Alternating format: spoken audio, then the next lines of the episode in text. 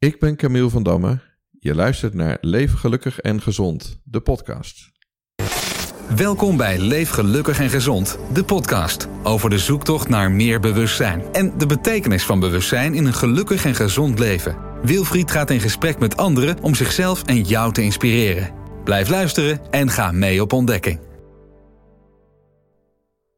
Welkom uh, Camille. Uh, welkom Camille in mijn podcast, maar uh, in jouw Barneveld. Ja, leuk, dankjewel. Welkom hier. Ja, en, nou, voor de luisteraars, ik zit in een enorm mooie ruimte bij Camille achter het huis met verschillende settings waar je lekker kunt vergaderen, coachinggesprekken kunt, kunt voeren. Maar ik hoorde ook al even een barretje en de gelegenheid om te chillen, dus een mooie, mooie ruimte hier. Ja, er zit nog een bed and breakfast achter, dus kan ook uh, logeren als het moet. Ben je al in het programma geweest? Of bed and breakfast? Of Nee, nee, Oké. nee, we staan nog niet, uh, we staan nog niet online. Oké, Nee, de nood is er nog niet. goed zo. Hey Camille, wat ik eigenlijk zou willen vragen, zou jij uh, ons eens mee willen nemen even in kort van uh, wie is Camille van Damme? Ja, ja dat is zo'n hele mooie vraag. Hè. Wie ben je? En ja, dat, dat, eigenlijk kan je wel stellen dat ik een, een, ja, iemand ben die heel erg houdt van de zoektocht naar jezelf en het leven en altijd op zoek bent naar nieuwe initiatieven om die mogelijk te maken. En vanuit jongs af aan ben ik uh, ja, door mijn ouders eigenlijk ook wel gestuurd om, om van betekenis te zijn voor de samenleving en maatschappij als bestuurder. Ja. Dus wat, je, wat mijn kenmerk is, uh, ja, ik hou van ondernemen, ik hou van uh, techniek, ik hou van mensen ontwikkelen. Mijn levensmotto is mensen beter maken. En ik hou van besturen in allerlei functies, dus van een topvolleybalstichting tot, tot een Rabobank of een verpleeghuis of nou, tal van uh, ideeën, daar, uh, daar kan ik wel mijn uh, bestuurlijke kwaliteit in thuis. wie ik ook ben, is zoon van ouders die in het Rotterdamse opgegroeid zijn. Ik ben in de buurt van Rotterdam opgegroeid, in Ridderkerk. Ja. In Rotterdam Zuid tot VWO gezeten. Toen nog op een, zo, een soort recht geaarde katholieke middelbare school. En daar, ja, daar ging iedereen uit de regio heen die daar verbonden mee was. Ja.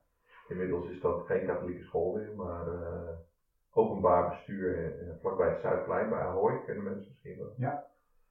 En um, nou ja, zo daar, daar doorheen gegaan, maar daar komt misschien nog wel op wat mijn carrière een beetje geweest is.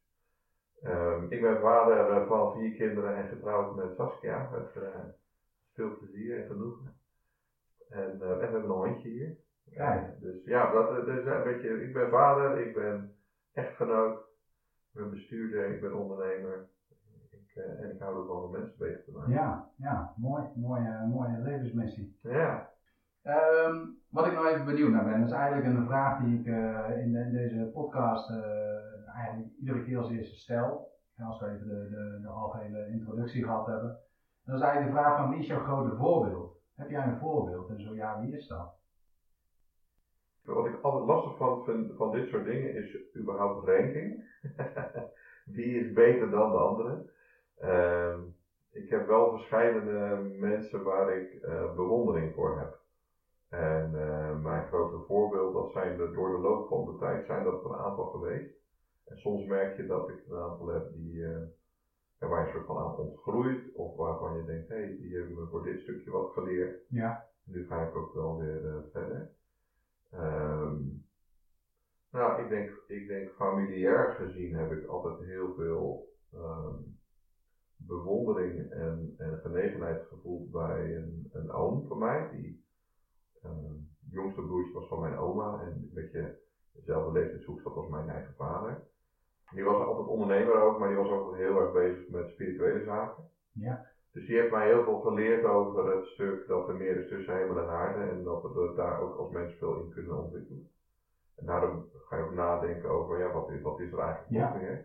En is dat al op jonge leeftijd uh, geweest dan? Ja, maar nooit aan de spirituele kant zozeer, maar wel aan de ondernemende kant. Ik kan me nog herinneren dat ik uh, als jong ventje hoorde dat hij ergens, dat ik aandelen had of zo in een wijngaard of wijn produceren en dat ik terugweg tegen mijn ouders begon te zeuren, ik wil ook geld steken in een, in een wijngaard. ik vond dat wel, ja, ik vond dat echt wel interessant, dat, uh, dat uh, stuk. Wat maakte dat interessant? Weet je dat nog? Ja, ik denk, ik denk een, ehm, ik, misschien wel een stukje romantiek of een stukje de, de ondernemer, ondernemendheid zelf. Ik, ik, ik voelde dat die kans daar was, dat daar, dat daar iets uitgehaald kon worden. En ehm, ik kom uit een gezin waar heel veel was en waar je heel veel kon, maar wat wel echt een middenstandsgezin was, waar mijn vader gewoon hard werkte op, op een kantoorfunctie en zorgde dat de basis er was. En daarnaast deed hij allerlei bestuurszaken, mijn moeder ook, mijn moeder zat in het onderwijs. Dat waren, niet, dat waren geen ondernemers. En ehm, ik merk dat ik daar wel een bepaald gevoel bij had van hé, hey, kunnen we nog meer en kunnen we vooral die vrijheid opzoeken. Ja. En misschien is dat ook wel de beweging die ik daar voelde al vanuit mijn huis uit van ja, Ehm, moet, ik me, moet ik me de rest van mijn leven ergens laten vangen in een organisatie, zoals ik dat een beetje noem, of ga ik bewegen en ga ik de vrijheid ervaren? Uh, dus dat, dat heeft eigenlijk wel een, een heel belangrijk ja, stuk geleverd aan mijn opvoeding ook wel, dat ik daarnaar ging kijken en, en dat verwonderde me en dat vond ik interessant. Um, luis in Spanje en uh, zulke soort dingen. Dus als kind denk je, oh, dat is wel gaaf. Ja. Um, we hebben later heel veel op mogen trekken met, uh, met hem ook, met zijn vrouw. Ik heb ook wel voor een aantal grotere aarden heel veel bewondering. Ik heb heel recentelijk, nu in de coronatijd, uh, wel de indrukwekkende film Gandhi nog een keer uh, bekeken. Um, en wat ik daar indrukwekkend vind, is dat iemand de moed heeft om zaken aan de kaak te stellen en de moed heeft om uh, toch te gaan naar een universele liefde en waarheid, waarvan we zeggen die is overstijgend ten opzichte van ego's en belang. Hoe moeilijk ook. En, Ja. en, en zeker vanuit de minderheidspositie. Denk je, ja, hoe ingewikkeld kan het zijn als je in zo'n situatie toch daarvoor gaat staan?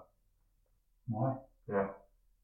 Dat, eh, dat zijn jouw, jouw, jouw woorden. Ja, en kijk, en weet je, ik ben katholiek opgevoed zoals ik zei. Ik ben, eh, toen wij eh, gingen trouwen en, en vooral ook toen wij kinderen kregen, ben ik wat meer meegegaan in de kerk waarin mijn vrouw opgevoed is. Dat is protestants-christelijk. Ehm, nou, dan ga je wel mee in geloof waarvan je denkt, hé, hey, daar, wat, wat heb ik daarmee? Daar heb Ja. ik veel mee. Ik heb eigenlijk heel veel met een, eh, ja, diepgaand geloof in dat er meer is in, in de wereld dan alleen het materialistische. Het kerkelijke vind ik vaak nog wel ingewikkeld. Hè? Het is een instituut en waar je aan regeltjes moet voldoen waarvan ik denk, ja, dat is niet de kern voor mij. Ehm, maar dan zie je dat ook ehm, ja, zo'n zo'n iemand die het leven voordoet als Jezus Christus kan ook een heel mooi beeld zijn waar je achteraan kan gaan, waarvan Ja. je kan ontdekken van wat voor moed ook weer Ja. zo iemand heeft genomen om te laten zien van er is echt meer in, in onze wereld dan wat wij zien en dat wij waarnemen. En ja, dat, dat- dus de verwondering dat mensen in staat zijn om, om toch contact te maken met datgene wat er nog veel meer is, dat vind ik echt prachtig. Ja. Wauw, mooi. Nou, zoals je wellicht al wel eh, eh, gelezen had en eh, ook al even in, de, in zeg maar, het voorgesprek over gehad eh, hebben, zeg maar, de- deze podcast, die ben ik ooit gestart om eigenlijk, ik ben heel erg, zeg maar, het thema bewustzijn vind ik heel interessant. En tegelijkertijd ook wel weer heel lastig, want wat is dan precies bewustzijn? En sommigen knippen het al door, zeg maar, bewustzijn. En je hebt nog eens bewustzijn. Ehm ja, wat houdt dat precies in? En, ehm, en ik ben ook benieuwd, zeg maar, wat, wat is de relatie eh, van bewustzijn, eh, zeg maar, in, eh, in relatie tot een gelukkig en gezond leven? Hè, dus wat speelt, welke rol speelt bewustzijn dan als het gaat om geluk en gezondheid? Ik ben benieuwd, zeg maar, hoe jij aankijkt tegen de term bewustzijn. Wat, wat, ja, wat is bewustzijn voor jou? Allereerst is het een mooi onderzoek. eh, compliment. eh. ja, kijk, ik, ehm, ik vind het leuk dat je hier bent. Ik, ik, ik vind het leuk dat je dit onderwerp kiest. Mijn holding heb ik in 2006 eh, genoemd Bezijn Holding. En ehm, dat was eigenlijk een ehm, beetje een kwinkslag naar to be en zijn. Ja, Ehm, maar ook een werkvorm eh aan hangen dat zijn dat het ook een werkvorm is. En dat dus bezijn, dat je dat ook als werkvorm kan beschouwen. Dus ik vind eigenlijk al het onderwerp alleen al uh, erg leuk. Als je kijkt naar wat het voor mij betekent, dat, dan vind ik het ook leuk dat je het uit elkaar trekt, hè, bewust of zijn. En waar zit hem dat dan? Zijn uh, onderzoeken gedaan, misschien ken je dat ook wel van die boeken van uh, Pim van Lommel over eindeloos bewustzijn. Misschien ken je het niet, nee, dan ga ik er zo wel iets over zeggen. Um, om ze uit elkaar te trekken, er zit in mijn ogen een, um, een present stuk in, waar wij in onze leiderschapstraining ook vaak aandacht aan geven over awareness, over het aandacht geven aan het hier en nu. En uh, er zit een contact maken met een veel groter zelf uh, vanuit je persoonlijkheid en ja, combinatie misschien wel richting ziel of spiritualiteit. Hè? Dus je, je geest, je ziel en ja, je manifestatie van jezelf. Ja. En um, ik geloof er eigenlijk wel in dat datgene wat wij hier zien en waarnemen, wat zich manifesteert in mijn lichaam en, en wat jij waarneemt, wat je hoort, dat dat een uiting is van mijn zijn, van mijn uh, grotere ik, die zich via mijn lichaam toont. En dat wij tot nu toe uh, onze antennes afstemmen op dat wij hè, fysiek kunnen zien of dat wij kunnen horen, voelen, aanraken. Dat, ja. dat, dat dat de manieren zijn om dat manifeste stuk te ervaren. Um, bewustzijn gaat voor mij wel veel verder. In uh, de laatste tijd uh, ja, zie en lees en, en, en ervaar ik ook wel dat er veel meer is waar we connectie mee kunnen maken. En Pim van Lommel, die ik net aanhaalde, heeft ook heel veel onderzoek gedaan naar uh, uh, bijna doodervaringen. Om te achterhalen van, ja, A, ja, waar zit dat bewustzijn dan? Hè? Is, uh, is er nog leven al in, in een mens en wanneer houdt dat op en hoe gaat dat dan? Ja. En wat fascinerend is, is dat, dat hij in ieder geval constateert dat als iemand hersendood verklaard wordt, dat het niet zo is dat het bewustzijn er niet meer is. Dus dat is zo fascinerend, omdat wij tot nu toe ook wel denken van we kunnen bijvoorbeeld transplantaties doen op het moment dat we hersendood verklaren.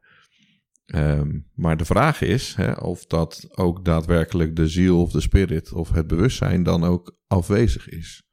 Dus is iemand dan ook echt er niet meer? Ja. Um, dus daar heeft hij onderzoek naar gedaan. Allerlei mensen over de hele wereld geïnterviewd die ja, in zo'n situatie zaten. Of artsen die daar in hun praktijk mee hadden gewerkt. En dat is een heel fascinerend onderzoek. Omdat dat eigenlijk constateert dat en dat soort verhalen horen wij natuurlijk ook wel eens. Dat als iemand in een soort coma binnenkomt en een ziekenhuis ingereden wordt. En uit te komen kon later feilloos kan beschrijven hoe de gangen eruit zagen en wie er meeging. Terwijl uh, onze normale waarneming, ogen dicht, oren dicht, uh, ja. et cetera, zouden we veronderstellen dat die persoon dat niet kan waarnemen. Dus dat zeg maar het bewustzijn, dat is, dat gaat niet zozeer over de waarneming die je zintuigelijk kan doen, zeg maar. Dat is veel groter dan dat. Ja. En het bewust zijn, het, het leven in hier en nu, dat is veel meer gericht op uh, de zintuigen die je gebruikt om daadwerkelijk waar te nemen wat, wat je nu waarneemt. Ja, en wat het mooie is, denk ik, en waarom is het dan toch één woord, hè? zou je kunnen zeggen, is als je in het, uh, in het hier en nu volledig kan zijn en kan voelen, ervaren wat er nu is, dan ontstaat er eigenlijk juist de ruimte om contact te maken met alles wat er nog meer is. En als voorbeeld werkt dat voor mij heel erg in het uh, familiesystemisch werk, wat ja. door Herbert Hellinger is um, vormgegeven, waarin je feitelijk contact gaat maken met ja, wat wij dan het veld noemen, waar ja, informatie in is beslagen en waarin wij contact kunnen maken met hoe een familie is en een systeem is van een persoon die daar op dat moment een vraag over wil onderzoeken. Of bij een organisatie die een vraag heeft over hoe teams werken. En op het moment dat je met dat veld contact maakt, dan ga je eigenlijk heel erg afstemmen op het hier en nu, zodat je gaat voelen wat je in het hier en nu waarneemt. Maar feitelijk maak je contact met het grotere geheel. Hmm. En um, ik ben daar geen onderzoeker in, maar voor mij als ja, ik heb natuurkunde gestudeerd, dus ik heb, uh, ik heb uh, gelukkig ook een beta-achtergrond. En ik vind het heel mooi om te zien dat er steeds meer mensen kijken naar Wat betekent bijvoorbeeld een holografische benadering voor de wereld? En een holografische benadering wil zeggen een hologram. En een hologram is een, is een uh, eigenlijk een afbeelding of een weergave waarin elk deel van die afbeelding ook nog informatie over het totaal bevat. Dus stel dat ik een heel klein elementje zou halen uit die afbeelding. Ja. Die ga ik weer eindeloos vergroten, heb ik de hele afbeelding weer. En is dat dan zeg maar wat, uh, als het gaat over bewustzijn, hoe je eigenlijk daar nou zou moeten kijken? Of ja, daar komen die twee bij elkaar voor mij. Hè? Dus, dus juist naarmate je goed kan ja, waarnemen, hè? Mhm. in systemisch werk uh, noemen ze dat fenomenologisch kijken. Fenomenologisch kijken is alles als informatie beschouwen, alles wat er gebeurt. Um, en dat nemen als informatie die ook vanuit dat veld gebeurt met de persoon op het moment dat hij die vraag uitspreekt. En wij zijn heel vaak gewend om alleen maar waar te nemen of te voelen met ons hoofd. Ja. Alleen vaak gebeurt er iets waarvan je kan zeggen: ja, oh ja, maar dat is dan toeval of dat, nee, ja, dat hoort er niet bij. Maar alles wat er gebeurt Ja. is informatie. Ja. En als je al die informatie tot je gaat nemen, en dat betekent dat je nog meer in het hier en nu Ja. gaat waarnemen, ga je eigenlijk meer en meer contact maken met alles wat er eh, aan grootsheid nog meer is. En hoe, eh, hoe, hoe is dat te ontwikkelen? Of kun je misschien vertellen hoe jij daar zelf mee omgaat? Om daar, eh, hè, want ik kan me voorstellen, zeker voor, ik, ik ken het ook, het, het fenomeen dat mensen inderdaad hè, vooral in hun hoofd zitten. Als ik ook kijk zeg maar, bij mijn eigen, als het gaat over training en coaching, dan is dat ook vaak een van de vraagstukken die mensen hebben. Hè, ik wil minder vanuit mijn hoofd leven, wat meer in het nu zijn, ik wil meer genieten, ik, ehm, ik wil rust in mijn hoofd. Ehm, hoe ga jij daar voor jezelf mee om? En hoe, wat, wat zouden tips kunnen zijn voor de luisteraars? Hoe ze dat kunnen ontwikkelen? Ja, ook een hele goede vraag. Hoe doe je dat dan? Hè? Er zitten een paar basiselementen in. Eén daarvan is toch ook de neiging onderdrukken om altijd maar sneller te willen. En als wij training geven, dan ehm, komen we dan wel eens bij groepen waarin mensen ongeduldig zijn. Die zeggen, ja, jullie gaan zo langzaam. zeker, als het, zeker als het gaat over mensgerichtheid. En dan zeg ik nog wel eens, en we hebben een klant en die zit relatief dicht aan de snelweg. Dan zeg ik, kijk, zie die boom aan de overkant van de snelweg? Ja, die zien ze wel. Ik zeg, wie denkt nu dat die boom beter ziet? Wij hier of die automobilist die voorbij raast? Nou, dan is iedereen het er heel snel over eens dat wij dat zijn. Want wij hebben alle tijd om die boom waar te nemen. Nou, als ik dat dan terugvertaal naar het hier en nu. Als ik jou wil bekijken. En ik doe dat heel vluchtig en ik loop door. Alles goed? Ja, oké Wilfried. Ja, oké, dan ben ik weg. Heb ik jou dan waargenomen? Heb ik dan contact gemaakt? Dus in het contact maken ook kunnen verstillen en kunnen zijn. En kunnen Ja. voelen van oké, nu ga ik me op jou afstemmen. Ga ik me op jou afstemmen. Ja. Dus dat betekent al dat ik mijn intenties ga verplaatsen van aan honderd dingen tegelijk denken. Aan het koffiezetapparaat, aan, de, aan het weer, aan het licht, aan de financiële zorgen. Of ga ik me richten op, op jou, want ik ga me op jou afstemmen. Alsof je je koptelefoon opzet en je even afsluit van de wereld en denkt... Jij bent nu voor mij voorgrond, zoals wij dat als trainers dan noemen. Ja. Dus je gaat je, je, je focus verleggen of eigenlijk Ja. meer toespitsen op één, Ja. één of iemand of één aspect. En het kan best zijn dat er zodanige onrust is, bij de ander ook, dat je zegt: Het lukt me helemaal niet om af te stemmen. En ehm, dan is dat ook informatie. Ja.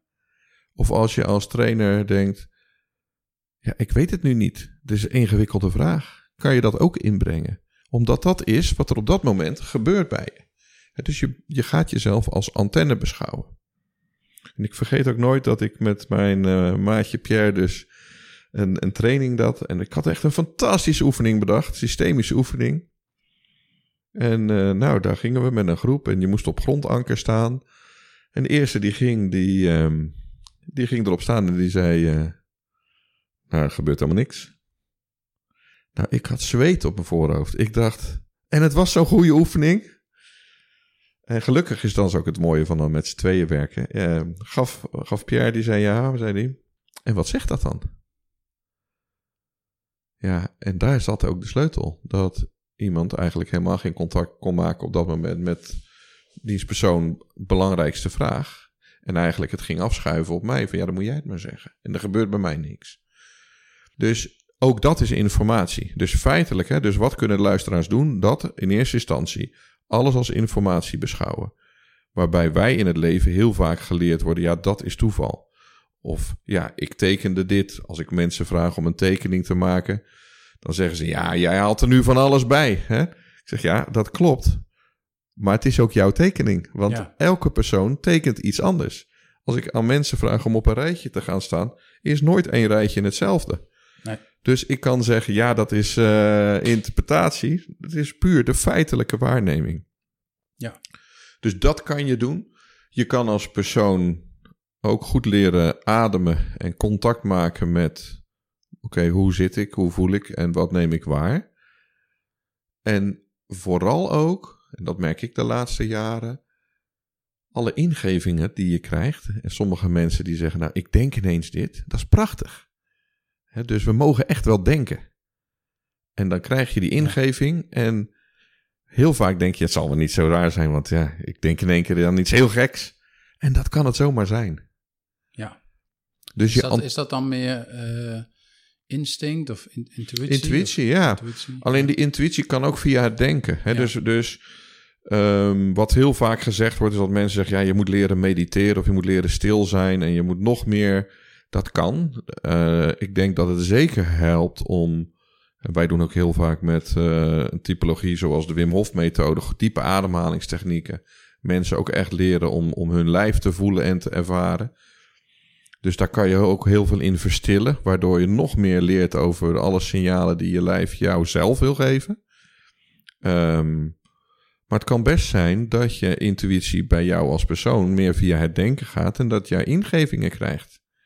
Waarvan je denkt, nou, ik ga er toch iets over zeggen. Ja. Dus En vaak ben je heel hard aan het werk Hmm. om namelijk, hè, dan zeg ik, ik ga afstemmen op jou. En ik ga bezig met jou. En vervolgens ehm, denk je, ik weet eigenlijk niks. Maar dat komt omdat ik dan zo hard aan het werk ben dat ik niet meer naar mezelf kan luisteren. En niet meer naar mijn ingevingen kan luisteren. En dat is wat je natuurlijk wel veel leest, ook over in de literatuur. Hoe minder je doet, hoe meer je kan waarnemen.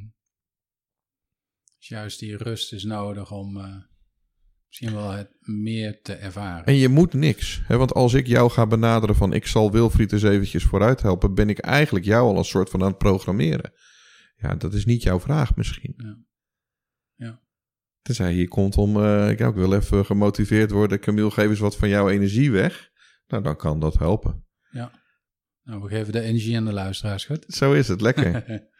en hoe, ehm, hoe zou je dat, zeg maar, relateren aan een gelukkig en gezond leven? In hoeverre is dat belangrijk om een gelukkig en gezond leven te leiden? nou, kijk, bewustzijn, want daar komen we nu vandaan. En hoe je dat dan kan doen. Ik denk dat als je daar goed aandacht op kan zetten, dan is er, en ik weet dat ik een roze bril heb, al heel veel goed in het hier en nu. Want we kunnen ademen, we kunnen rustig zitten, we kunnen elkaar lachen, we hebben wat te drinken. Eh, er is nu, zoals wij hier zitten, niks aan de hand.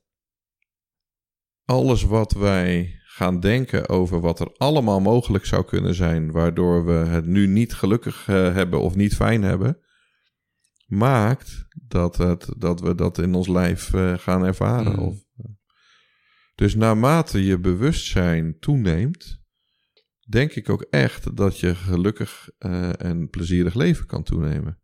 En eh, ik ben bijvoorbeeld super dankbaar voor deze plek waar ik heb. En ik heb eigenlijk veel te veel ruimtes waarvan ik in elk hoekje kan genieten. ja. Er zijn allemaal plekjes waar ik van kan genieten. Ik zat gewoon acht weken lang eh, met mijn kinderen aan de keukentafel. Ja, nou, zo is het. En, en, ehm, maar als ik bijvoorbeeld ook in een andere luxe bezig ga met mijn camper en ik ga op reis en dan zitten we daar een tijdje, denken we echt van, nou, waarom heb ik eigenlijk een groot huis en waarom heb ik al deze dingen? Want ook dan, daar waar ik ben, ben ik echt gelukkig. Ja. En vorig jaar was ik in eh, Peru en dan ben je op reis en dan zit je misschien op een hotelkamer van een eh, soort hostel. En, en ook dan denk ik, oh heerlijk. En weet je waarom je dan ook ook dan echt gelukkig voelt? Omdat het in het hier en nu oké is. En dan ervaar ik ook echt de luxe van we hebben wat te eten, we kunnen genieten, we kunnen met mensen wat contact maken die opgeleid zijn vanuit een, een, een, een echte armoedejeugd om te leren in een hotel te werken of in een restaurant. En ja, we lachen wat naar elkaar. Ik spreek slecht Spaans, maar zij spreken ook slecht Engels. Dus nou, dat, is ook wel weer lachen. Ja. En dan is het ook weer oké. Ja. Dus, dus gewoon in het hier en nu voelen wat dat is voor die mensen. En dat je elkaar ziet. En dat we, ja, we hebben het allebei dan op dat moment goed. Zij hebben te eten, ik heb te eten. Ik denk dat dat voor mij eh, voor een gelukkig leven maakt. En je ziet ook wel zo'n eh, Jan Bommeres of eh, ja, zo'n zo'n ander type persoon die veel onderzoek doet naar loslaten en accepteren wat er is. Dat op het moment dat je het in het nu aan kan kijken zoals het is, ja, dan ben je eigenlijk al ongelooflijk ver. Ja. Aanvaarden. Ja. En als je kan aanvaarden en je hebt dankbaarheid voor alles wat je al mag hebben, wat, wat overvloed is in mijn ogen, ja, dan hebben we het eigenlijk supergoed. Want het kunnen aanvaarden zoals het is, dat is eigenlijk één waardoor je ook naar situaties kunt kijken die misschien wel eh, pijn of verdriet geven, maar daar dan ruimte aan kunnen geven. En anderzijds is het eigenlijk gewoon kunnen genieten wat je op dat moment aan het doen bent. Ja, En dan is er ook niet meer dan dat wat er dan is. ja. Ja, zo is het. Ja, mooi gezegd. En niet zozeer het, eh, nou ja, de, de zorgen die je, eh, die je al even aanstipte. Of, of dat nou financieel is. Of hey, eh, we leven in een tijd van corona. Wat betekent dat voor mij? Wat betekent dat voor de gezondheid van mijn familie? Wat betekent dat eh, financieel? Ja, dat zijn natuurlijk vooral gecreëerde eh, eh, angsten. Of, Ja, en vooral en dat, mensen. kan En, in je lichaam. Ja, en, en, en wat je ziet, en dat is nog wel de thema in de maatschappij die, eh, waar ik dan wel wat zorgen over heb, is dat informatie wordt steeds vrijelijker toegankelijk. En dat maakt ook dat ehm, iedereen informatie kan brengen. Waarom is dat ingewikkeld? Omdat er daarmee ook honderdduizenden meningen de wereld ingaan. En wat je nu merkt is dat eh, men ook heel makkelijk vanuit het eigen perspectief de ander projecteert als dat is dan een verkeerde mening.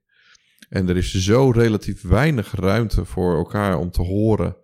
En waarom is dit voor jou belangrijk en wat is daar voor jou goed aan? En gewoon elkaar horen en elkaar zien en niet meteen veroordelen. Ja, Ja, er zal, iedereen zal een reden hebben waarom die zo daarmee eh, omgaat. Ook al denk ik soms ook van ja, het is niet, dat is niet hoe ik denk. Hè? Maar ja, ik vind het toch wel chockerend om, ehm, om te merken hoe snel mensen elkaar tussen haakjes afmaken op social media. Waarvan ik denk, my goodness, eh, waarom?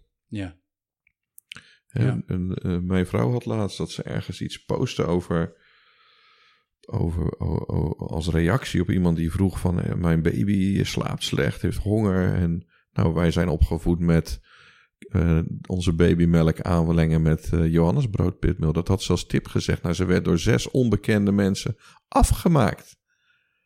En dan denk ik, ja. Waarom? Jullie Ja. kennen ons niet. Nee. Je weet de situatie niet.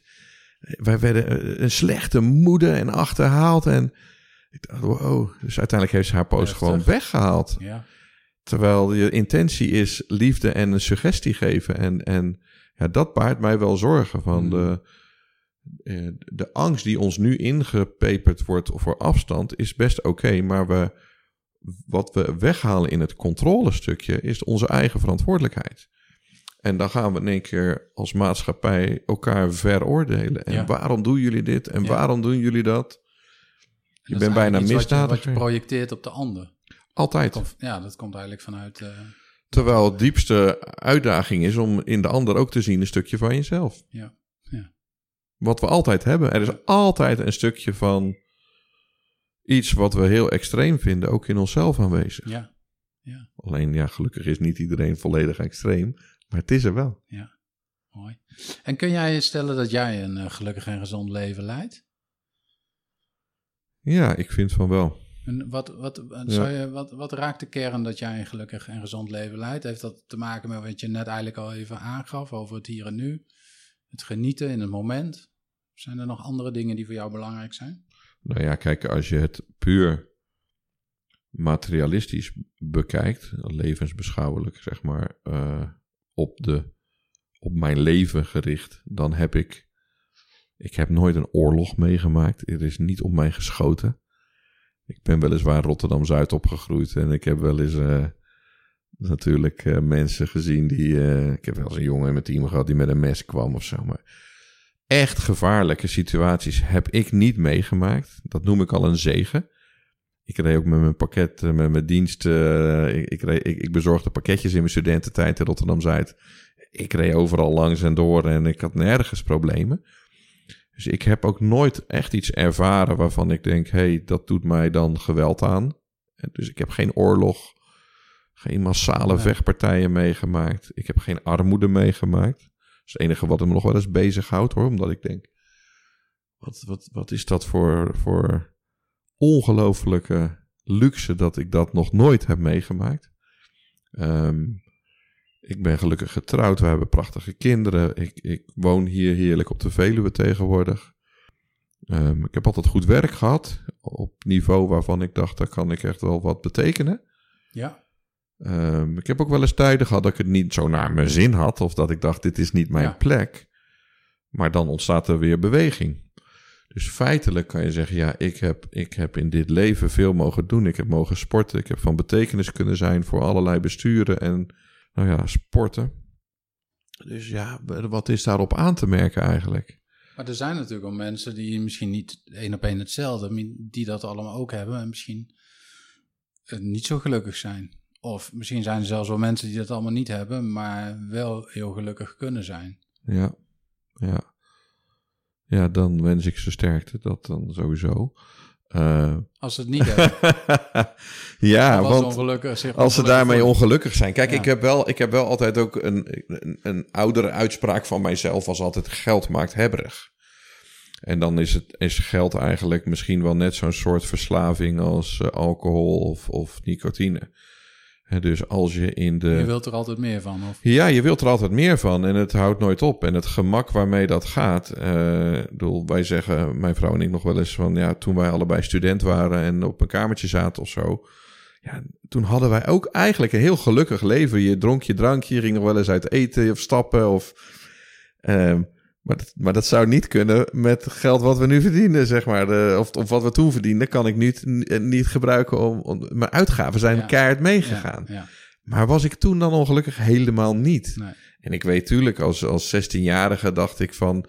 Ik had geen groot bijbaantje, dus ik kon me niet veel veroorloven. Maar ook toen was ik niet ongelukkig. Dus om in de race of in de valkuil te stappen van ik heb vooral iets niet. Hè? Daarom is misschien de, waar we mee begonnen, mijn naam is bezijn. Zijn is voor mij belangrijker dan hebben. Want anders ben ik altijd op zoek naar iets wat ik zou moeten hebben. En, en daar ben ik eigenlijk nooit zo mee bezig. Ik vind, ik, ik heb ook vrienden echt met prachtige auto's en daar, daar ben ik ook heel trots op. Vind ze ook heel mooi. Kan ik echt van genieten. Maar in die end heb ik het als persoon niet zo gauw voor over. Ja, misschien als ik dadelijk miljoenen op de bank heb, dat ik ook denk, nou, ik laat eens even. Maar ja. ik, ik, dat is niet mijn, maar ik vind daar, mijn doel. Daar zit voor mij ook nog wel een verschil. Dus je kunt ergens gewoon intens van genieten, maar dat wil niet zeggen dat je het nodig hebt om gelukkig te zijn. Nee, en ik zou heel graag dingen meer van de wereld zien, maar ik plaats dat dan niet in het hokje van ongelukkig, omdat ik dat niet heb of gedaan heb. Ja. En ik zie het wel als ik daar kom. En het lijkt mij prachtig om nog een keer bijvoorbeeld naar Nepal te gaan of Noord-India. Ja. ja, dat is ergens. Uh, en dan hoor je bucketlist. Nou ja, oké. maar het is. Maar kijk, het gevaar van. Je mag dromen. Precies. Kijk, alleen het gevaar van een bucketlist is. En, en een voordeel zit er ook wel aan hoor. Maar het gevaar is natuurlijk dat, dat, het, dat het een obsessie kan worden waardoor je ongelukkig wordt. Het voordeel kan wel zijn dat je alles in het werk gaat stellen om het te bereiken. En daar zit wel weer iets prachtigs in. want een droom, goed gaan dromen en visualiseren, maakt ook dat je hem kan gaan manifesteren. Dus er zit ook wel een mooie kant aan, maar ik ben er wel waakzaam op. Ja, ja, ja. Ja, dus dromen hebben, maar het, de, de valkuil zit hem erin dat als je een lijstje hebt met dingen die je nog wil doen of zou moeten doen bijna, Nou ja, dan, dat, het, dat het een goede fout is of je het, als je het wel of niet bereikt. ja, plus dat je wellicht eh, ja, de, de, de dag van vandaag mist. En de Dus mensen om je heen. zijn, zeg maar. Precies, Ja. hè, want dat, zodat dat, eh, de selectieve perceptie, eh, dat is natuurlijk heel ingewikkeld. Maar ontmoet je gelukkige mensen. Ik denk dat het leuk is voor de luisteraars om eens op zoek te gaan naar ontmoet je gelukkige mensen. En ik denk dat, dat als je dat gaat doen, dat je wereld op hele korte termijn een stuk plezieriger wordt. Want je gaat anders waarnemen. En dat is toch wel de perceptie die je ook aan kan zetten, gewoon in het hier en nu. En Maar dat je dan op zoek gaat naar andere mensen die gelukkig zijn? of- Ja, ga maar eens kijken. En ga maar eens denken van hoe ziet die er dan uit? Ja. Nou, dat is iemand die lacht, of is iemand die lol maakt, of is iemand die nou eens eh, plezierig met zijn vrienden is. En als je daarvan gaat genieten en denkt, oh wat leuk, dan ga je ook jezelf iets laten aantrekken wat daarbij hoort. Ja, En dat komt naar je toe, ja. waardoor je denkt, oh wat gaaf zeg. Er zijn allemaal helemaal ongeluk, heleboel gelukkige mensen om me heen eigenlijk. Ja, zo is het ook. Het werkt heel Delen- erg aanstekelijk. Delen is vermenigvuldigen, zeggen ze wel eens. Ja. Ja. Mooi. En eh, ja, jij noemde al even Nepal als eh, mooie, mooie wens. Ik weet namelijk dat jij eh, eh, ook eh, al wel eens de Kilimanjaro beklommen hebt. Ehm, nou, daar, daar wil ik wel iets meer van horen, zeg maar, wat je dan precies doet. Maar ik ben ook even benieuwd van, wat heb je dan nodig om, om die te beklimmen? En kun je Ja. dat misschien ook relateren aan, aan ons dagelijks leven? Ja. Ja, wat heb je die nodig om te beklimmen? Zuurstof, Ja. toch? Ja. Eh, nou ja, zuurstof, maar geen toegevoegde zuurstof. Dus eh, dat is echt voor pure, pure nood. Hoewel de economie ook daar gaat. Dus alle toeristen die de bergen op willen, zeker ook nu de Mount Everest, die worden allemaal met extra zuurstof omhoog gepompt. Tot in ja, een beetje toch wel wat de, de, de echte bergbeklimmers een beetje dwars zit. Ehm omdat er ook gevaren aan kleven. Nee, ja, wat heb je ervoor nodig in de dagelijkse praktijk die, die parallel is? Ik denk dat ehm, het nemen van besluiten, en die besluiten zijn ook in het hier en nu, ehm, heel erg belangrijk zijn. En dat zie ik eigenlijk ook in de hele groep, eigenlijk in groepen die wij eh, gevraagd hebben om mee te gaan naar de Kilimanjaro. Het nemen van een besluit om bijvoorbeeld jezelf dat te gunnen om te gaan, om de uitdagingen aan te gaan en daar werkelijk voor kiezen, was eigenlijk al van ja, de allergrootste stap. Ehm, daarna, als je die overwonnen hebt, dan volgt de rest vrij gemakkelijk. Ehm, ik weet nog van mijzelf dat ik allereerst besloten had dat ik ehm, meer voor mezelf wilde zorgen en meer in de natuur zijn. Ik heb echt een valkuil dat ik zo druk ben met velen om mij heen en mijn werk, et cetera. ja. Dat ik eigenlijk vergeet bijna om mezelf te trainen, in de natuur te lopen, et cetera. Dus ik moet mezelf dat, Herkenbaar, herkenbaar. ja, ik moet mezelf daartoe dwingen. En, eh, en, ik, en ik weet hoe lekker ik het vind. Ik weet hoe fijn ik het vind om te sporten. Ik weet hoe fijn ik het vind om dat soort eh, prestaties ook wel te doen. Maar niet om het te presteren, maar om mezelf daarin uit te dagen. Ja. Ehm, dus het eerste is een besluit. Ik had het besluit genomen eh, om meer in de natuur te zijn. En ik had ook het besluit genomen dat alles wat ik daarna zou ontmoeten, dat daartoe bijdroeg, zou ik meteen ja op zeggen, zonder na te denken.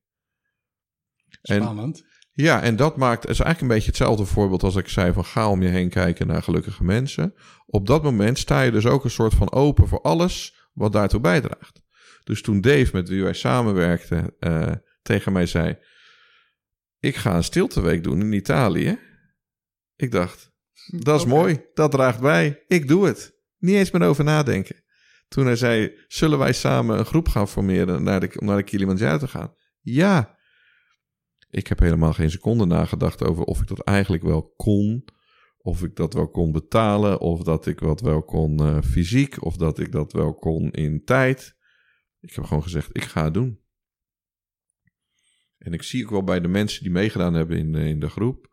dat dat voor de meesten een van de eerste belangrijke stappen geweest is. We hadden één iemand die zei: Ik wil elk jaar zo'n soort grote ding eh, doen.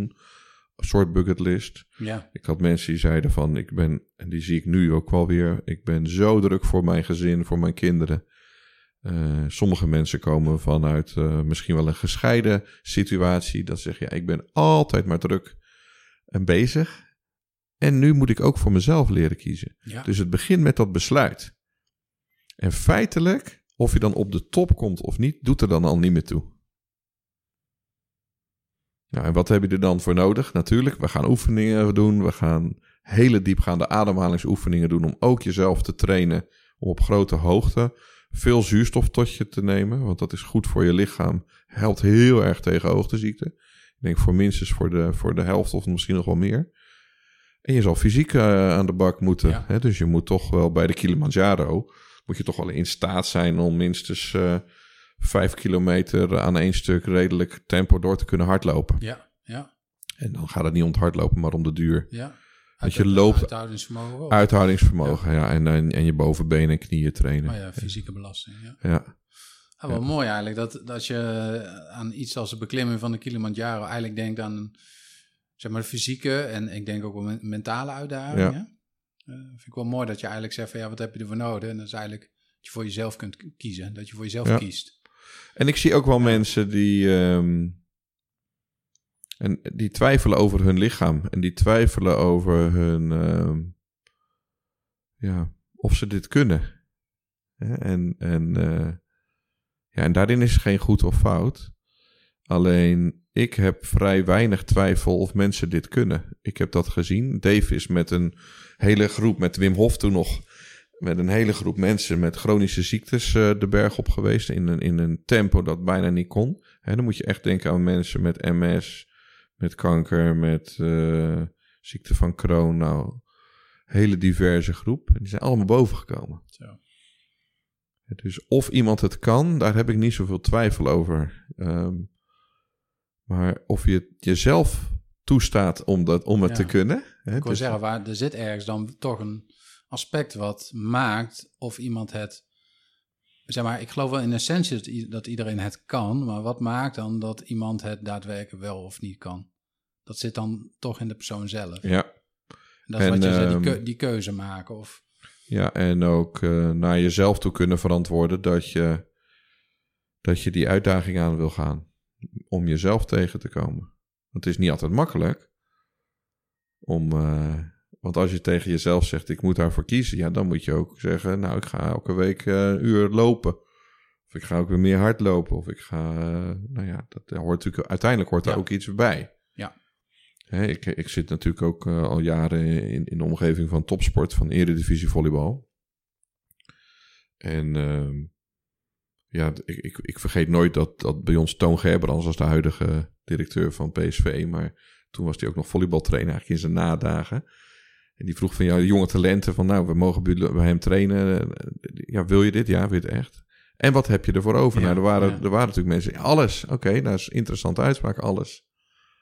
Ja, alles betekent dat je er gewoon altijd bent. Dus ja, mijn tante is jarig. Ja, dat is geen reden om niet te trainen. Weet je, had er, je had er toch alles voor over? Of ik kon deze keer niet. Ja, Ja, jij, ja. jij had er alles voor over. Dus dat is echt interessant van als je die stap zegt, betekent ook dat je hem echt gaat zetten. En dan is het eigenlijk ook heel mooi als mensen hem niet zetten, als ze weten dat ze dat er niet voor over hebben. En het gewoon misschien niet zien zitten. En want ook daarin nemen ze dan verantwoordelijkheid. Hartstikke goed. Alleen het blijft een onderzoeksvraag. Hè? Wij zien in de leiderschapstrajecten ook dat mensen heel soms niet in een ijsbad gaan. En dan kan dat een hele mooie keuze zijn als iemand zegt: Ik doe het niet, want bijvoorbeeld vanwege groepsdruk. Als het voor iemand belangrijk is om één keer in zijn leven iets te doen wat hij zelf wil in plaats van onder groepsdruk. Fantastisch. Ja. Echter, wat ik dan wel blijf zeggen is... ga dan toch nog eens een keertje kijken of je niet wel als je in dat ijsbad zou willen. Want het is gewoon een hele andere ervaring. Ja. Hè, dat, de, maar als op dat moment het issue van wel of niet kiezen voor groepsdruk... en dat zie je bij Kilimanjaro keuze ook. Mensen zeggen, ja, is toch gaaf en die gaat mee en die gaat mee. Als iemand dan heel krachtig zegt en ik niet... is dat op dat moment misschien een hele mooie leiderschapsvraag. Ja. Hè? Maar misschien wel belangrijker van wat drijft hun om een keuze te maken. Precies. En of dat dan de keuze is, ik doe het wel of ik doe het niet, maar wat drijft jou? Ja. Dus ik heb daar niet zozeer een oordeel op. Hè? Dus laten de luisteraars ook niet denken van eh, als mensen niet gaan, dat die geen besluit kunnen nemen. Nee. Maar het besluit nemen van ik ga het doen en ik ga ervoor. Ja. Dat is eigenlijk de grootste metafoor van ook zo'n berg beklimmen. Mooi. Gaat die dit jaar eh, nog door? Of, eh, Nee. Wij zouden eerst in augustus. We merkten ook wel dat dat, dat bij een aantal groepsleden wat lastiger viel dit jaar. We wilden het experiment aangaan. Eigenlijk misschien wel een beetje wat mensen nu heel goed zullen snappen. Dat wij eh, dat niet in januari doen. Omdat wij merkten de vorige keer dat januari eigenlijk een hele slechte maand is. Dat een hoop mensen dan met allerlei griepjes zitten en verkoudheidjes. Wat niet per se een hele goede bijdrage levert aan een bergbeklimming. Als je half grieperig een, eh, je zuurstof moet eh, voor zorgen dat je die hebt op de berg. Dus wij dachten we gaan naar augustus. Er waren niet veel mensen die goed konden. Toch weer verschoven naar januari komend jaar. 2021. Alleen ja, op dit moment weten wij niet wat we kunnen. ja, En eh, we hadden nog niks geboekt. We hadden eigenlijk wel een aantal mensen die graag wilden. Eh, maar ja, we gaan nu, ja, je kan nu niet boeken. Je weet niet of het dan open is, hoe de wereld er dan uitziet. Ik weet niet hoe de financiële middelen van alle mensen zijn die mee zouden gaan. ja. Te veel onzekerheden om te zeggen, we gaan het doen. Ehm, ik ben dan wel benieuwd, eh Camille. Jij, noemde al wel even zeg maar, een eh, tweetal reisbestemmingen. Eh, maar ik ben wel benieuwd, waar, waar wil jij nog aan bijdragen in je leven? Of is er nog iets wat jij wil bereiken? Ehm, nou, wat ik wil bereiken is dat ik. ehm, het lijkt mij fantastisch. Sowieso als ik tot hoge leeftijd, en dat noem ik nu 75 à 80, mag werken. Dus ehm, ik heb wel tegen mijn kinderen gezegd, ik heb vier kinderen, dat zij allemaal voor een derde van mijn pensioen moeten zorgen. Dus, ehm, dus in principe denk ik dat ik pensioentechnisch het, eh, het, het wel oké is. Ja, maar ehm, nee, even alle gekkigheid. Ik, ik, ik, ik zou graag tot lange leeftijd werken. Dat lijkt me echt prachtig. Ik heb ook wel een stukje overtuiging dat, dat, dat, dat, dat stilstand achteruitgang is. Dus op het moment dat ik achter een geranium ga zitten van dit was mijn leven, dan was dat ook mijn leven. Ehm, dus dat is één kant. De andere kant wat ik nog zou willen bijdragen is... Ik zou het echt prachtig vinden als wij als, ehm, als samenleving nog meer kunnen bewegen naar vrijheid voor alle mensen in, in saamhorigheid. En, ehm, en dat het, het eh, systeem waarin wij nu steeds meer scheiding krijgen tussen, tussen arm en rijk, eh, privileged of non-privileged en, en, en dat soort zaken, dat dat, dat, dat ja, wat weg gaat vallen of naar de achtergrond gaat gaan, zou gaan. En eh, ik ben gezegend met een, met een aardig netwerk en waar ik me ook relatief makkelijk begeef op eh, allerlei niveaus. En ik zou het echt heel fijn vinden als ik daar vanuit mijn rol en ook vanuit Dutch Leaders met onze programma's eh, betekenis aan kan geven. En wij hebben een, een programma wat ook een, een- echt een journey gaat zijn, een, een, een leadership transition journey, om juist die grootschalige bewegingen mogelijk te maken om mensen ja, bijna op volkerenniveau te zeggen: laten we elkaar eens gaan begrijpen en zien en, en dingen mogelijk maken. Want ik, ik, ehm, ik denk dat we dat kunnen. mooi. En dat is nu al begonnen. Uiteraard, en ik denk dat het al op jonge leeftijd begonnen is, alleen dat het steeds manifester wordt. Ja, ik vind het. Ik, kijk, ik, ik, ik heb een. ehm, echt een rijke achtergrond. Wat ik al zei, ik ben gaan studeren. Eigenlijk op elke school, of elke plaats waar ik heb gezeten, ben ik, ben ik bestuurder geweest. Van studentenvereniging, van medezeggenschapsraden, van sportverenigingen. Nu ben Wat ik maakt weer. dat jij dat dan zo leuk vindt of daar ook eh, je goed bij voelt of go- goed in bent, zeg maar, besturen? Ik denk dat dat komt omdat ik ehm, makkelijk het grote geheel zie. Dus ik kan overkoepelend eh, denken. Ehm, ik hou ervan om de betrokkenheid, mijn eigen betrokkenheid daarin eh, te tonen. Ik kan me heel makkelijk verplaatsen in allerlei processen, bedrijfsprocessen. Ik denk dat mijn natuurkundestudie daar ook toe bijdraagt. Dat eigenlijk heel veel analoog is. Hè. Weerstand is op allerlei manieren weerstand, ook Ja. tussen mensen. Ja. Dus feitelijk kan je zeggen, ja, de, de, heel veel dingen zijn voor mij logisch. En eh, ik heb altijd wel gezegd van als je gezegend bent met bestuurlijke activiteiten en inzicht, hè, dus ja, bij, ook bij de studentenverenigingen begon ik al met wijzigen van statuten en naar notarissen gaan. Op het moment dat je gewend bent ook bestuurlijke taal te lezen en te schrijven en, en, en dat te kunnen handelen, ja, daar moet je ook wat in gaan doen. En ik vind het mooi als iedereen in de samenleving iets bijdraagt wat voor de ander kan zijn. Ja. En, als dat en als dat is goed koken en kopjes koffie zetten, eh, dan is dat op dat moment belangrijk voor mensen die dat nodig hebben. Dus iedereen kan van waarde zijn. Nou, en ik heb daar kennelijk waarde in, die ik ook heel graag inzet. ja. Om uiteindelijk ook mensen beter te maken. Mensen beter te maken, ja. systemen beter te maken. Het helpt mij ook weer. Hè, op het moment dat ik zelf jarenlang in een raad van toezicht gezeten heb van een verpleeghuis, kan ik ook makkelijker andere eh, teams in de raden van toezicht begeleiden. Eh, omdat ik weet hoe de dynamiek is. Ik weet Ja. hoe we gaan met jaarrekeningen, met governance vraagstukken, et cetera. Ja. En daardoor ja, vind ik het altijd leuk om me dan weer te verdiepen in hoe dat dan weer gaat. Dus Mooi. ja, Tof. Maar er komt dus geen wijngaard. Dat is niet... eh, staat niet op jouw... eh, nee, die is, dromen. Ondanks, de, ins- ondanks de inspiratie van je oom, maar er komt geen wijngaard. komt geen wijngaard. Nee, er komt geen wijngaard. En eh, nee hoor, dat. ik vind het wel prachtig om door dat soort gebieden te lopen. En, maar ik, ik ga geen. ik ga nog voorlopig niet in de wijn. Nee. Je houdt het bij een wijntje drinken, zeg maar. Precies. Ja, oké, tof. Ehm, ja, ik heb eigenlijk nog een laatste inhoudelijke vraag. Eh, je hebt al wel wat elementen geraakt, denk ik, die je zomaar eens betrekking op zouden kunnen hebben. Maar ik wil je eigenlijk vragen om de zin af te maken. En de zin luidt: De wereld zou veel gelukkiger zijn als. We in staat gaan zijn om de stem van de minderheid altijd toe te laten.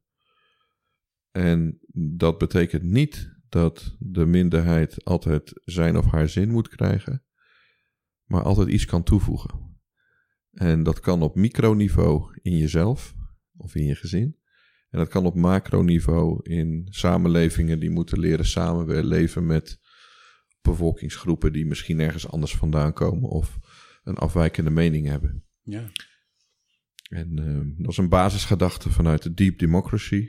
En ik, eh, ik denk dat wij heel veel eh, kunnen leren als wij oprecht gaan luisteren naar wat mensen te zeggen hebben.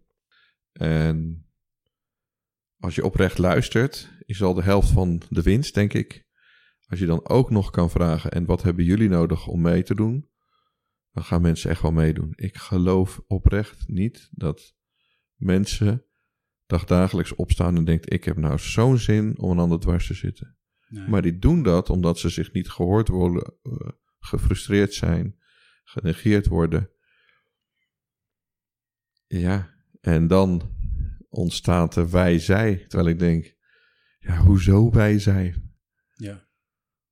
En dat zou, hè, dat zou, dat zou een opening, je zou een opening kunnen creëren door aan die mensen te vragen wat ze nodig hebben. Of, Ja, en dat geldt wederzijds. Hè? Dus als mensen bang eh, zijn voor vluchtelingen, dan heb ik soms de neiging, en dat is, dat is provocatief om te vragen, ken je er dan één? Want ik ken er een aantal, het zijn prachtmensen die hier zijn komen wonen en geïntegreerd zijn. Maar meestal kennen die mensen ze- zelf geen vluchteling. Die zijn dus ergens anders bang voor. Ja. Of die hebben ergens anders frustratie over. Staan misschien zelf jarenlang op een wachtlijst voor een woning en zien mensen komen die er meteen in kunnen. Ja. Die zijn dus niet gehoord. nee. nee. Ik ben zelf wel eens meegegaan met iemand die echt in een hele benarde situatie zat met haar gezin. Ja, die, die, die moest naar de gemeente, die werd daar niet gehoord. En het enige wat ik gedaan heb, ik ben meegegaan naar de gemeente om erbij te zitten en een paar bij de hand te vragen te stellen. Waardoor we elkaar konden horen en toen is het opgelost. Ja. Ja. Alleen als iemand dichtslaat omdat hij niet gehoord wordt, wat ik letterlijk zag gebeuren. Ja, die, die, die, die woed, die, die, die vreet zichzelf op. Ja. Die wordt, en, en dat is, dat komt er altijd weer op een andere manier uit. Mhm. En dat wordt geprojecteerd op iets wat we niet kennen, maar die het wel krijgt wat jij niet kreeg. Ja. En dat is, dat is ook een wet van geven en nemen. Dus als wij in staat zijn om, eh, om te luisteren en te kijken wat is daar dan nodig, dat vraagt in het begin iets meer tijd, maar dat levert op de lange termijn heel veel welzijn op voor elkaar, denk ik. Ja, en ik moet ook wel denken aan wat jij, waar we aan het begin van het interview over hadden, als je het hebt over bewustzijn. Ehm, hè, in plaats van eigenlijk bezig zijn met angsten die je creëert, zelf creëert, zeg maar, omdat je ergens bang voor bent en wat het dan ook is. Maar dat vervolgens projecteert op mensen zoals nou ja, vluchtelingen. Ja, dan gaat het daar eigenlijk ook wel over. Wordt dat ook waar? Ja, ja. Ja. Dat wordt dat ook waar. Kijk, ik was met, eh, toen ik één bedrijf opstartte, ben ik met een aantal mens- mensen naar Zuid-Afrika gegaan. En we hadden een cameraman mee en die was echt doodsbenauwd voor alle donkere mensen. En wij liepen daar in een soort van eh, binnenstedelijke ghetto. Die keek alleen maar om zich heen. En, en, en, en ja, ze komen op ons af. En ik was natuurlijk in Rotterdam-Zuid opgegroeid. Ik deed pakketjes in eh, buurten waar ook weinig eh, mensen woonden van eh, niet-allochtone afkomst. En, en ik heb me daar nooit bedreigd gevoeld. Want als je maar die mensen lacht en als je daar open voor staat, gaat echt altijd goed hoor. ja, maar ja, het is maar door welke bril je er naar kijkt. Ja. Ja, en daarmee gebeuren er ook andere dingen. En Ja. dat klinkt misschien heel vaag, maar ik geloof daar wel in. Ja, mooi. Dankjewel.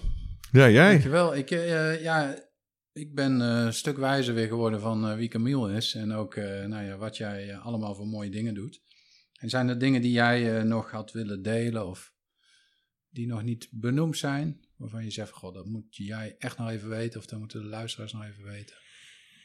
Nou, wat ik wel heel leuk zou vinden is, eh, wat er nog niet benoemd is, is ik vind het een mooi initiatief om vragen te gaan stellen. Wat is bewustzijn en wat kunnen wij doen om gelukkiger te worden?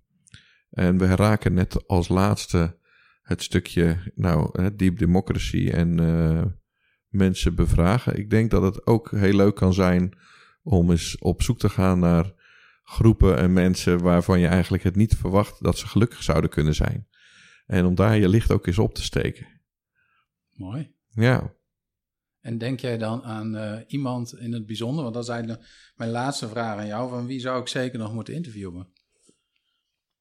kijk, ik dacht even aan een voorbeeld als Jozef Oebelkas, maar die praat al zoveel, dus daar kunnen de luisteraars al op googlen en die, eh, dan vinden ze zijn verhalen wel. Hè. Die is ooit opgesloten ten onrechte in de Marokkaanse gevangenis. En die heeft daar ook wel laten zien dat, dat je ook kan kiezen voor het leven. Ook dankzij zijn moeder. Zijn eerste boek is 400 brieven van zijn moeder. Ik ga er wel even op eh, broeden wie jij eh, zou kunnen ontmoeten. Maar ik zou het leuk vinden als je eens eh, kijkt naar mensen waarvan je op het eerste gedicht denkt: ja, hoezo kan die een gelukkig leven hebben? En dat zullen hardwerkende mensen zijn die misschien moeite hebben om rond te komen. Ehm, maar ik vind het altijd verrassend dat wij ja, tussen haakjes de normale bevolking, die misschien niet zo eh, opgeleid is om veel na te denken of te besturen, daar zit ook heel veel wijsheid. Ja. En wij werken nu de laatste tijd veel samen met Frank Hekman, die grote programma's doet. En die zegt altijd: Ordinary people can make sense out of reality. En, eh, en, en ik denk dat dat eh, wel eens heel interessant kan zijn. Ja, Gewoon iemand op straat, achter de balie, bij de kaasboer, whatever.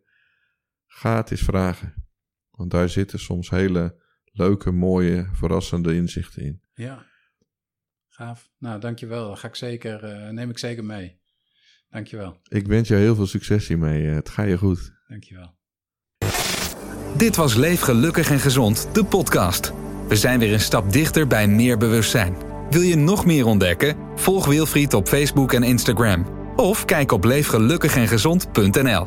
Voel je vrij om te reageren op de podcast of hem te delen via social media. Dankjewel en tot de volgende keer.